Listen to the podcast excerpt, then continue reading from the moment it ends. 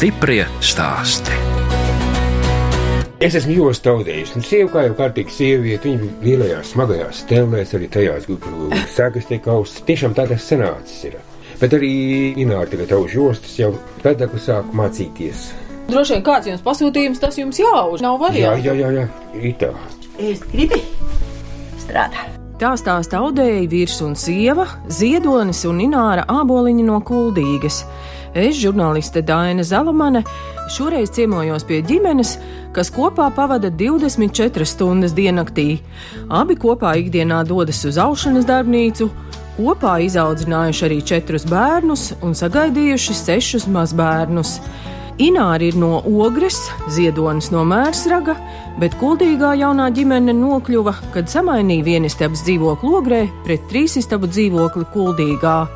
Abi satikušies Rīgas otrajā internātskolā, kur arī radusies interese par aušanu. Savu pirmo jostu es naudu Rīgas otrā interneta skolā. Internāta skolā un mums bija ļoti labs māturības kabinets, kur bija gan visas stēles. Tas, kā Ināra sāk aust, tas man tā kā neizbrīna, bet Ziedoni vīrietis. Es pat nemāku pateikt, kur man tā interese radās. Tīklu sienamais materiāls. Jā, Tātad saiviņa jau ir Jā, jā, nu, zvejniecībā. Tīklus eh, lāpīja pats. Tur ir tāpat tās saiviņi, tur ir kukliņas vai, vai kaprodieks, tiek pēc būtības austs. Ziedoni, jūs Jā. tad esat jūras krastā dzimis, Jā, ja mērstakā, jā, tēvs bija zvejnieks. un jums jūra neinteresēja. Interesēja pēc vidusskolas. Es un mani klasbiedri, mēs pieci puiši aizbraucām uz Pēterburgu, uz Makāru augstāko jūras skolu. Uzņēma vienu zēnu, mani neuzņēma dēļ acīm, pa jūrnieku nekļuvu. Brīdis muzeja tirdziņos, nu, es parasti ar visām stelēm, mazām stilītēm tur esmu, un, un tie tiešām ļoti daudz. Gan puiši jaunāki, gan vecāki kungi nāk un skatās. Ja tenī stelē sēž sieviete, tad vīrietis nenāk skatīties. Viņš tā kā pa maliņu. Bet ja viņš redz, ka tur jau auž vīrietis, tad viņš droši nāk klāt, uzdod jautājumus. jā, Jā, tad viņam nav tā. Kā tad es vīrietis tagad interesēšos par šo te lietu? Tad tā interese vispār vīriešos ir Ir, palikusi. Ir, ir, ir, ir. Ināra Āboliņa pēc 8. klases gribēja apgūt aušanu Lietišķās mākslas vidusskolā, bet neprata uzzīmēt galvu, tāpēc kļuva par programmētāju. Tiesā eksāmenā bija jāzīmē tā sprogainā galva. Un To es sapratu, ka to nu es nekādīgi neuzzīmēšu. sprogainā galva? Kaut kāda grieķu statuja. Ah, Tad uh, mums bija atnākusi skolotāja, un viņa bija beigusi Rīgas otro internātu skolu, kas ir ar fizikas matemātikas novirzienu. Viņa tā kā pierunāja, ka jāiet uz turienu. Tad es aizgāju uz fizmatiju. Tad es sapratu, ka jāstājās tādā augstskolas profesijā, kam ir nākotne. Iestājos programmistos. toreiz jau tie datori bija tādi. Dators aizņēma istabu, jā. Lenču ruļļi bija tādi lieli un smagi. Un... Atnākot uz skuldīgi strādāju skaitļošanas centrā. Vakar tā brīvi. Es tik un tā paralēli vēl adīju džempers Dairadē. Tanīs laikos visa padomjas savienība staigāja dairadas džemperos ar rokām adītajos. Uz gūtām klāja dairadē austās segas, kuras joprojām, kad atbrauc no Krievijas, no Ukrainas, no Baltkrievijas cilvēki, viņi prasa. Man toreiz vecmāmiņa nopirka, vai jūs joprojām neaužat? Viņi to atceras ar tādu labu vārdu, ar kvalitātu, un viņi joprojām vēl to grib. Bet tā piestrādāšana vakaros tā bija tāpēc, Tā ka bija. liela ģimene, daudz bērniņu un gribējās kaut ko arī piepelnīties. Nu, arī paralēli. Ziedonis Āboliņš pabeidza Rīgas Politehnisko institūtu kā inženieris, bet, kā pats saka, daudz labprātāk viņš remontēja mašīnas nekā komandēja cilvēkus. Kad tu novaudi kaut ko skaistu, tad tev pašam prieks. Uzrakst e-pastu vai atzvanu un ļoti labam. Nu, tas tā sirsnīgi silda. Āboliņu ģimene nopirka vecu māju Kuldīgā, kur iekārtoja aušanas darbnīcu. Kanādā dzīvoja rakstnieks Eduards Eduards Freimanis, kurš kā kanādas latviešu saka, pats rakstīja, pats izdeva. Viņa brālis šeit Latvijā dzīvojošais to māju mantoja, un viņš tur gribēja iekārtot sev muzeju. Un tad vajadzēja muzeju, kas pieskata, zinot, tā kā viņam šeit bija cilvēks, kas kārtoja viņa darīšanas. Tanī brīdī viss juka bruka, un mēs palikām praktiski ar stelēm uz ielas, un rezultātā viņš saka, bet nu jūs varētu pieskatīt to māju, jums tur būtu divas tāpas, pārējais būtu tam muzejam. Mēs piekritām. Nobruka visa muzeja ideja, tad viņš mums piedāvāja to māju nopirkt. pietiekoši ilgi, no 97. līdz 2008. tomēr. Kā tādā dzīvojām, dzīv- jā. Nu, ne dzīvojām, strādājām, beigās jau arī nakšņojām. Daļas. ir pietiekoši sena, kaut kādi 800. 80 un 90 tu tā gadsimta mīja. Tā ir bijusi iebraucamā sēta. Mums ir tā saimnieku māja. Kaimiņa māja ir ā, kūts māja, kas ir saglabājusies, un viņš ir bijis slēgts teritorija. Vēl divas mājas ir karu laikā gājuši postā. Tad, kad ķīrmis nograusā, sijai galu, tā senā māja ir būvēta pēc eh, konstrukcijas, kad spāre nebalstās uz mūri, bet balstās uz siju. Un, ja sijai gals ir noēsts, tad spāre jumta balstās uz griestu dēļiem. Mēs sapratām, ka kaut kas ir jādara. Variantu jau tā nebija, kredīti jau neviens pašnodarbinātajam nedos. Es izgāju automa kursus, pēc skatījos biznesa kursus. Sākumā bija doma pašnodarbinātā aiziet par individuālo komersantu, bet ieteicu taisiet uzņēmumu. Tā mēs arī Uzreiz uztaisījāt sijā. Jā, jā, ar normālu pamatkapitālu.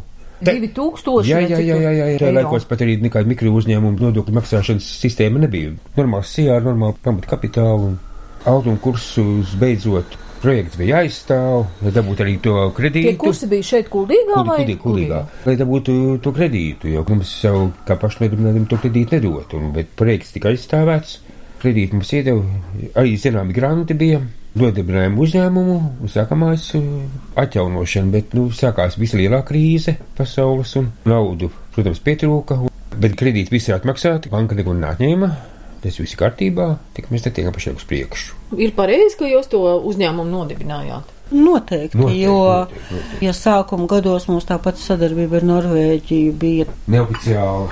Tad tagad tas viss ir oficiāli, un līdz ar to gan, gan viņiem, gan mums tas ir vienkāršāk. Un Ļoti daudz jau iet pasūtījumi, kas ir caur projektiem, līdz ar to viņiem vajag oficiāls papīrus. Bet jūs esat šobrīd divi darbinieki, ja? Vienu Šobrīd brīdi bija bija, grāmatvede. Mm -hmm. Un kas tad tagad grāmatvedību jums pilda? Paši. Noteikti Nārīt. Man ir mamma bija grāmatvede, māsa grāmatvede, krustmiete grāmatvede, meita grāmatvede. Nu ļoti necieši grāmatvedība. Grūti ar grāmatvedību, tāpēc, ka priekš manis tur ir daudz neloģiska. Mēs jau neesam uzņēmēji tādā klasiskā Jā, izpratnē. mēs esam amatnieki. Bet mums ir šis jā status. Sākumā bija grūti iestāstīt, ka mēs esam šitik maziņi. Mēs neesam lauma, mēs neesam klipmans saule.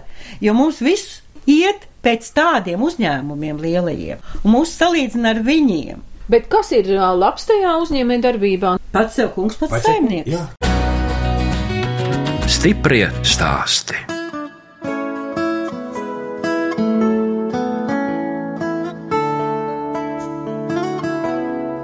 Jūs klausāties raidījumu stiprie stāsti. Šoreiz ciemojos Kuldīgā pie audējiem Ināras un Ziedoņa āboliņiem. Viņu darbnīca šobrīd atrodas nelielā zaļā koka ēkā, kur kādreiz bija uzņēmums Dairede. Ziedonis galvenokārt auž jostas trīs dažādās stellēs. Nu, 30. gados Rīgā Viljamsons savā stēļu ražotnē izdomāja stēles, kur arī jau uz perfokartēm varēja ieprogrammēt rakstu. Līdz ar to audējām bija vieglāk, bija tikai viena pamina, nevis 20 paminas vai velkamās iekārtas, kur arī ar rokām bija jāvelk. Un tad šīs stēles ir veidotas tā ideja pārņemt uz mazākām. Tur ir tā kā tāda perfokartē raksts iecēl. Nu, ar Viljumsonu steļu lasāmo iekārtu. Jā. Un kas jums tur ir salikti? Kāpēc tur skan? Tā. Skan tā kā zvaniņi? Ā, Nē. tie, nē, tā, tā, tie ir. Atsvariņi. Te ir uh, atsevišķnītis un atsvariņi. Tāpēc viņi skan. Kāpēc šī lielvārds josta jums ir tā mīļākā? Nu, man vispār patīk jostas, un nu, lielvārds jostas ir viena no sarežģītākajām. Viņas ir gan šaurākas, gan platākas. Te tie nosaukumi mainās, bet tās viss ir lielvārds jūs. Lielvārde stipa josta. Visap lielvārdi krapē, mēņģele, laubere, lēdmane, vērene. Tur ir diezgan liels tas apgabals, kurā ir šāda tipa josta saustas. Šitā ir ļoti neparasta josta, jo mēs esam dejoši vidējās paudzes deju kultīvā bandava. Un mums bija vienu gadu projekts kopā ar suitu sievām. Kad mēs braukājām pa Latviju pa koncertiem, visi starplaikos uh, atpūtās, un mēs vienkārši sēdējām un burtnīciņā sējām suitenēm nost pa jostai un zīmējām jostas. Cik nu viņām bija, tik mēs visus sazīmējām. Šitā arī suitu. Arī, jā. Ar visu saulīti iekšā, jā? Tur rakstīņš Jā, atkārt. Jā, jā, jā tā, atkārtojas. Šitā it kā saucās dižābās jostu, un tad es viņus redzējusi tagad šaurāku, jā, un viņa jau saucās sausungas josta, un tad viņa ir vēl šaurāka, un viņa saucās gudanieku josta. Un tad mēs aizbraucam uz Norvēģiju un apskatāmies Telemarka eh, novadā. Kaut Viens, kas līdzīgs, jā? nevis līdzīgs, bet viens pret vienu. Un kā tas var notikt? Ko tad mēs zinām, ko vikingi darīja ar kuršiem un kurš ar vikingiem? Nu, redziet, nu, tā ir Norvēģijas josta. Maliņas savādāks, jā. Nu, krāsu salikums. Jā, jā, cits, jā, ne? bet raksts praktiski tas pats. Kas Nu, gudinieku redz, jostai. Varbūt kāds vikings kādu skaisto kurzemes meitu aizved sev līdzi, un jā, viņa jā. tur rauda. Šitā ir prievīte, kas tiek taisīta Nor Norvēģijas tautstērpam. Mūsu uzņēmuma partneris ir uh, Norvēģijas uzņēmums, tikpat liels kā mēs, pasūta priekš Norvēģijas tautstērpiem prievītes, jostas, tad mēs aužam. Ausungā ir diezgan daudz tie varianti. Un šī ir ļoti krāšņa balva jost uz melnā fona. Sarkanais raksts. Zemgala. Tāpat tās ir ļoti daudz variācijās, kur mēs vienu un tā pati josta, bet mainot maliņai krāsu, tur varbūt nav tik izteikti zaļš, lilā un zils. Viņi attiecīgi atkal pie tērpiem iet klāt, jo tās rozītas zemgals brunčos ir dažādas. Stelēm blakus stāv rādio, tur gan es Jā. saprotu, var disku ielikt, ko tu jūs vairāk klausties, rādio vai mūziku? Nē, radio vairāk. Radio viens. Visu dienu. Vakaros, izsevišķi pirmdienas vakaros, radio divi. Parasto šrāgers es ne visai. Un par brīžu klasiku. Mēs sakām, ka amatnieki ir mūsu draugi. Jo skatīties televizoru viņi nevar, bet Jā, radio tieši tā. klausīties viņi var. Viņi strādā tā. un Televizors mums ir piedeva vakariņām. Ināra rāda lielās stelles, pie kurām auž pati. Divas stelles ir jaunas, ražotas Somijā un pirktas par projekta naudu. Lai nav jāstaipās, to es noskatījos Oslo Brīvdabas muzejā.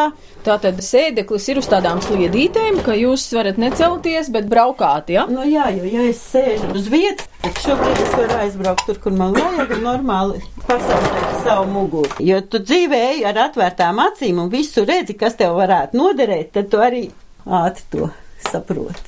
Tie ir tautiskie brunči. Bet tādi ļoti, ļoti koši. Tie laikam ir krāšņākie kurzemes svitrainie brunči, nurmuižas brunči. Un ir 16 atspolas, 16 krāsīs iet iekšā.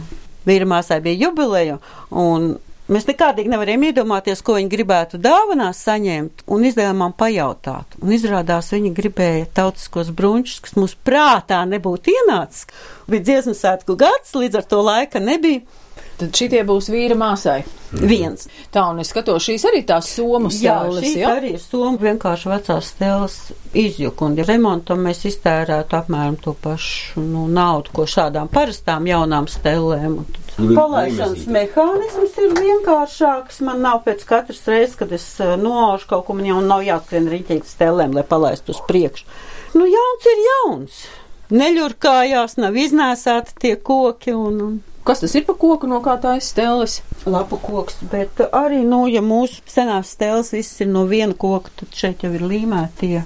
Viņiem ir vairāk modeļu šīm parastajām stēlēm, kāpēc izvēlējos šādu, tas ir atkal vecums, jo normāli stēlēm šeit arī ir koks ciet, un tad pamēģina ielīst apakšā un uzsiet paminas. Tagad es varu tur ieiet, notupties un uzsiet paminas. Nākamā paudze, kur jau dators vada stēles. Bet dators tikai vada. Dators Visu tā ir- pārējo tā tā tieši veselā tāpatās ir jāiekārto ar rokām. Tieši tāpat ar rokām ir jāuž. Te uz datoru iet USB kabelītis. Jā. Tikai tas, ka nav šīs paminas tik daudz, ir viens pedāls. Bet pirms tam, protams, ir datorā viss jāuzzīmē, tur nekas ne no kā nerodās. Tādas gan vēl es nebiju redzējusi. Tādi Viņas daudz, daudz Latvijā varētu Trīs būt kādas apmēram. trīs, un vēl laikam mākslas uh, akadēmijā ir. Pedāls, kas ir savienots ar šo velkamo iekārtu mehānisko. Rādi. Ko kaut jūs tur aužat? Kas tas Es būs? aužu tādus maisiņus, uz kuriem būs Latvijas zīmes virsū. Šī brīdī es tikai nospiežu paminu, un man jau mehāniski tiek pacelts uh, vajadzīgā niškārta. Zeķītes kājās, tā tad apavi nedrīkst būt, jā, ja šādā veidā auž. Mm, Nevienās stelēs neauž ar apaviem. fiziski ir vieglāk, jā. Jo es sēžu salīdzinoši taisni. Parastajās stelēs sēdi tādā āķītī, saliecies uz priekšu, te tev kaut kas notiek, kājas ir uz priekšu, un tās visas iet ar spēku uz leju. Kur tad šādas steles, kas aprīkots ar datoru, kur tādas ražo? Tās ražo Somijas uzņēmums. Viņš joprojām ir ģimenes uzņēmums, neliels un ražo stēles. Man liekas, ka apgādā lielāko daļu Eiropas un Amerikas. Viņi ražo stēles, šķietus, visus stēļu piedarumus. Pirkāt paši vai kādā projektiņā Nē, iesaistījāties? mēs rakstījām projektu ar lauka atbalstu dienestu. Izdomājām, ka mums vajag divas stēles jaunas un mūs akceptēja. Šīs ir segas. Kas ir mans mīļākais? Lakats. Šis, piemēram, ir ziedoņam vecās mammas mm -hmm. lakata atdarinājums. Jo tad, kad vecā mamma savu pūru dalīja, viņa man citīgi gribēja iestilt segas, un es no visām segām atteicos un paņēmu visas villainas. Tāds melni, balts un mazliet, mazliet. Pelēkie, jā. Jā, oranža svītriņa. Ā, Oranžā svītriņā kārklu mizas. Tāpēc parādās ā, ļoti daudzos lakatos. Lasīju, ka Japāņiem patīk braukt uz kuldīgu. Jā, viņi arī šeit ir. Mm -hmm. Viņi arī šeit ir bijuši vēl pēc tam. Un kāpēc Japāņiem tā patīk? Visas augstās lietas. Es domāju, viņi mūsu jostu rakstos saskata Saskata kaut ko no ko līdzīgu. sevis, savās rakstības. Viņiem patīk arī šis stāsts, jo tas sākums, jā, smuka, bet tajā brīdī, kad es pateicu, ka tās ir ziedoņa vecās mammas vilēns kopija, tad viņiem uzreiz vajadzēja, jo viņiem patīk tas stāsts klāt, kas ir. Pieņemot vērtību. Tā, un te ir jums arī zeķītes, vai kas tie ir kas mauči? Maučis gan. Un tie ir rakstēnie, kas tad ir? Tie ir austiņām. Galvas rotas, mēs varētu Austiņām. teikt. Ja? Audēju Latvijā ir daudz, bet no konkurences āboliņi nebaidās. Pērn gan viņus nepatīkam pārsteidzis fakts, ka pašu zīmēto un austo māru pēc tautas tērpa jostu sākusi aust kāda rūpnīca Rīgā. Pazvanīja vienkārši pazīstam audēju no Mārupes. Viņa saka, es tā esmu brunčus, brunčiem svītras, un Mārupes doma bija pasūtījusi tur daudz, ko viņiem ir šallas speciāli, nu, lai viņiem būtu ko dāvināt, un sēdziņas, tur diezgan daudz tie priekšmeti ir kopsumā, bet ir arī šis tērps. Un uh, viņa saka, bet es ar jostu netikšu galā. Jūs uzņemsieties man palīdzēt? Es saku, nu, labi. Viņi tur atsūtīja apmēram to skicīti. Es saku, nu, tādu nevar uzaust jostai, jo ir tās eh, specifiskās īpatnības. Mēs sazīmējam to rakstu tām jostām. Viņi akceptē, ka jā, būs labi, viena šaurāka, viena platāka. Nožam, atdodam, saņemam savu naudu, viss kārtībā. Pienāk pagājušā gada vasara, brīvdevs muzeja gada tirgus, un es eju un skatos, šī josta jau ir parādījusies, bet rūpnīcas lenta izpildījumā. Tad pienāca dziesmas ārkārtīgi vērmens dārzā, ka šīs jostas bija katrā trešajā stendā. Jo, nu, bet kas tad būtu jādara, ja jūs izdomājat šo rakstu, tad jums viņu vajadzētu patentēt? Man liekas, ka tā ir tāda nauda, kuru mēs nekad neatpelnīsim. Un tad es sāku zvanīt tai meitenei, kas man palūdz tai kundzei to uztaisīt. Es teicu, nu, ka tā tas neiet cauri, ka nav labi. Un protestējām, cik lielos apmēros mēs to varējām. Un beigu rezultātā vienkārši kundze, kur bija piedalījusies projekta rakstīšanā, bija uzskatījusi, ka projekts taču ir beidzies. Tagad es taisīšu savu biznesu. Un viņa bija šo rakstu aiznesusi uz lentu un pasūtījusi. Tur jau rūpēs Jā. lēmtu vainīgu, bet Patiesībā tā ir intelektuālā īpašuma zakšana. Tieši tas, jā. Kā man teica, bet mēs jau varam lepoties. Rūpnīca lēma neko nevar izdomāt. Tā es mūsējos skices. Mārupas domē man teica, ka viņa tā arī nesaprata, ko tad viņai īsti pārmet. Es skatos, jums ir tāda grāmata ar visādiem Jā, pierakstiem. Ar pierakstiem pa stundām. Cik Ko jūs aužat un cik daudz? un cik ilgi. Tas vairāk sevis organizēšanai, bet to mēs darām jau gadu desmitiem. Tas nav tā kaut kas jauns. Jo tad, kad mēs eh, sākām Dairadē strādāt, tad tā situācija bija tāda, ka man ļoti daudz jautāja. Vispirms, kā tu vari strādāt, ja tev neviens neliek strādāt? Otrais bija, tu vakar nodevi produkciju, tev pēc mēneša jānodod. Kāpēc tu šodien audi? Es saku, bet ko tad es pēc mēneša nodošies, katru dienu neaudīšu? Es tev sadalu grafiku, katru dienu, cik daudz tev ir apmēram jāuzauž. Kopsumā, lai tu saprastu, ka uz to datumu man ir jābūt apmēram tam gatavam. Nu, kaut kā Tātad- tas darbs ir jāorganizē. Nu jā, ir ļoti daudz sievas, kas to nevar izdarīt, un tāpēc nespēja viens strādāt. ir jābūt vienam vagaram. Jums varbūt vieglāk, jūs abi ar vīru kopā nākat uz darbu, jo? Tur ir gan plusi, gan mīnus. Kopā apspriesties par to, kāds darbiņš labāk iet, kā, kā neiet. Mīnus ir tas, ka nepietiek ar to, ka tu ej mājās, esi kārtīgi skaļi izspriedies par dažādām domstarpībām, tad brīžam arī tas domstarpības arī darbiņā parādās. 24 stundas, 7 dienas nedēļā, 4 Nu jā. nedēļas mēnesī. Tas jā, ir jā, bišķi jā. par daudz. Teicāt, algotu darbu, jums tur nepatika strādāt un nepatīk atsēdēt. Tagad nav grūtāk pašiem. Noteikti. Bet interesantāk. Noteikti. Tāpēc man ir manā istabā trīs jostas stēles, un es nevaru astoņas stundas nosēdēt vienā stelēs. Tas jau Nu, vispār 8 stundas pēc kārtas stelēs nosēdēt nevar. Te tas ir priekšrocība visam mūsu darbam, kas ir maijas darbs, un tas ir interesants darbs, un tu radi kaut ko tādu, kas gan pašam patīk, gan citiem patīk. Zināmā mērā tā jaunrade, nepārtraukta. Stiprie stāsti.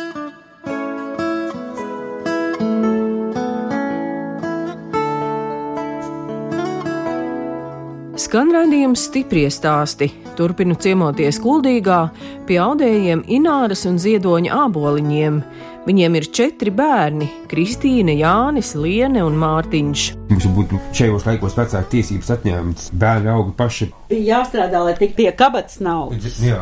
Tina dzīves Nu, šķeterēja. Jānis bija iemācījies šķeterēt un lasīt grāmatu vienlaicīgi, un viss sanāca smuki vienādi sašķeterēts. Mēs braucām no dejām. Es braucu ar vēl vienu kundzīti kopā, un viņi tad sāka man jautāt par to, nu kā tev tur tagad četri bērni, nu tev taču no visu bija jāatsakās. Vai es no visa atteicos bērniem? Nē, mēs neatteicāmies. Mēs gājām uz mēģinājumiem, mums bērni nāca ratiņos līdzi ņēmām. Kolektīvā, kurš nedejoja, tas viņus pieskatīja.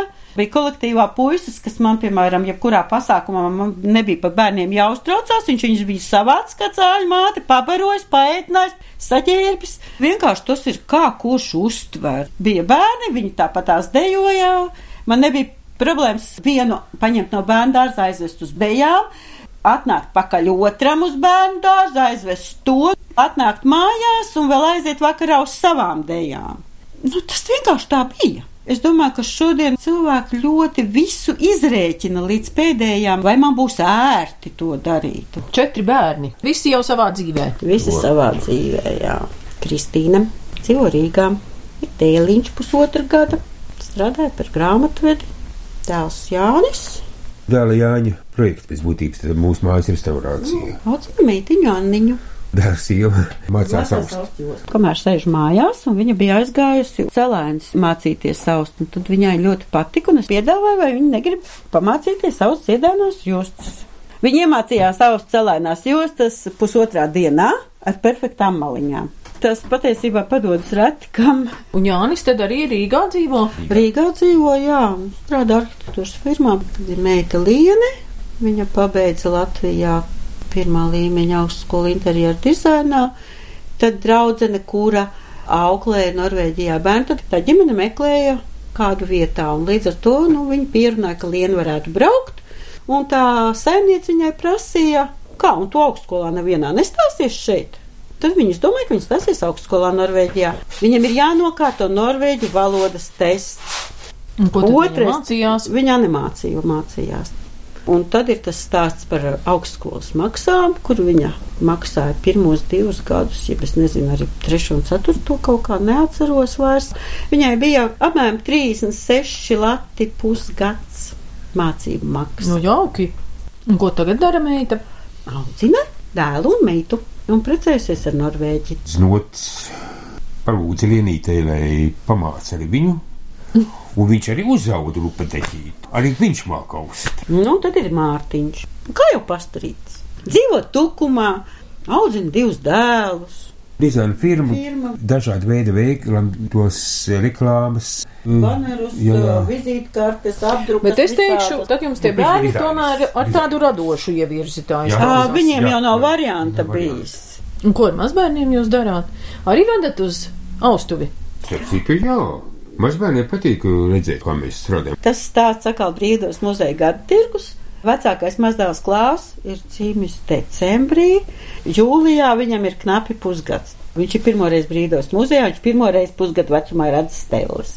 Pēc gada viņam ir pusotrs gads, mamma viņu uzsēdina uz krēsla pie stelēm. Un tas pusotrgadīgais paņem saiviņu. Tā ir otrā reize, kad viņš vispār redz stēles. Dara to, ko dara opis, ver cauri, un ar vienu roku, un ar otru roku, un attaisa diegu vaļā. Tad mēs visi tā stāvējām vienkārši, jo viņš otrais savā mūžā redzēja stēles. Bet viņam bija priekšstats, kas viņam ir jādara. Nu, tad audēji būs. Nu, Kur viņi liksies? Viņa būs. Ko jums patīk brīvajā laikā darīt? Bijām tautisko deju dejotāji, pašlaik mācāmies balnas deju dejotāji. Tango. Jā. Jā, tieši tā. Braucam uz kabīli, tur mūs divi skolotāji. Uz kabili vēl jābrauc. Jā, šitās jā, gabals. jā.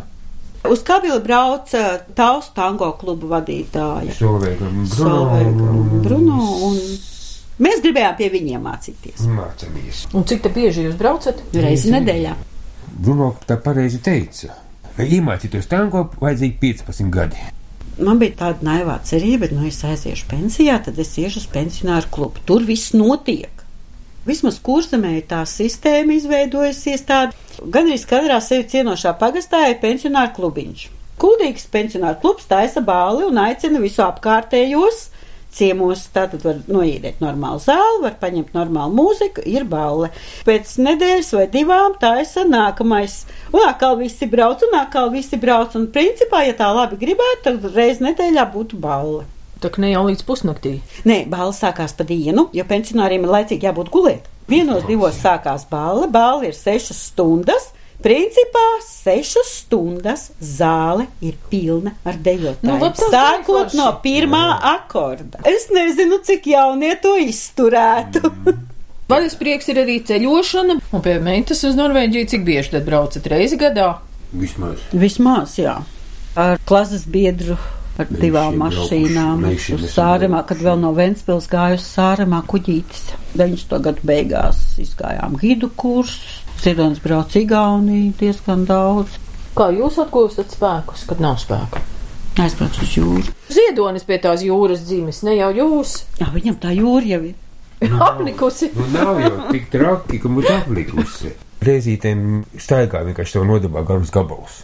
Aizbrauc ar autobusu līdz Angurei, un tad no Anguras līdz Mērstargam, pie savas māsas, kas arī joprojām dzīvo Mērstargā, noeika ar jūras krastu. Cik tad tur ir kilometri? 25. Jums savi tautas tērpi ir no austi. Kuram kurpniekam tā kurpes ir savas? Man Kaut ir ko es lasu, pāris jā. bruņķi man ir. Pie tam kuldīgas jums ir, ja? Jā. Bet bruņķi, blūzas es savu.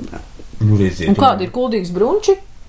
Strīpaini, Dažādi. dažādi. Ir zilais, kas ir vissenākais, ir svītrainie un ir tādi gandrīz rūtaini. Tā kā it kā ir, bet nu, tur ir vairāk. Jā. Mēs pārsvarā strādājam uz konkrētu pasūtītāju. Jā, reizēm tas ir kultūras nams, reizēm tas ir privātais, bet kas attiecas uz jostām, ļoti daudz tie ir tieši privātie.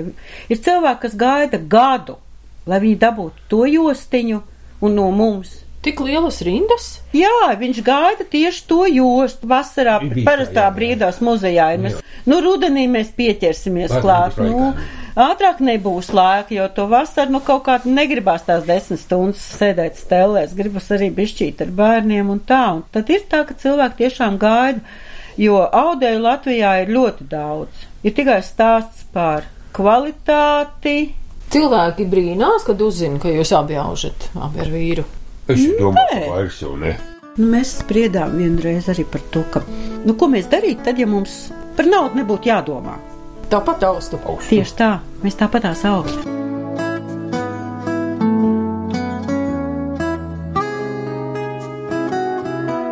Radījums stipri stāst izskan, un mēs atvadāmies no kuldīgas audējiem, Ināras un Ziedoņa āboliņiem, kas izveidojuši savu uzņēmumu, nopirkuši jaunās paudzes stelles, kas savienotas ar datoru. Viņi kuldīgā izveidojuši audēju darbnīcu un auž prievītes, jostas, villainas un brunčus, Ināra arī jāda cimdus, zeķes un šalles. No jums atvedās žurnāliste Dāna Zalamana un operātore Inga Bēdelē, lai tiktos atkal tieši pēc nedēļas. Stiprie stāsti.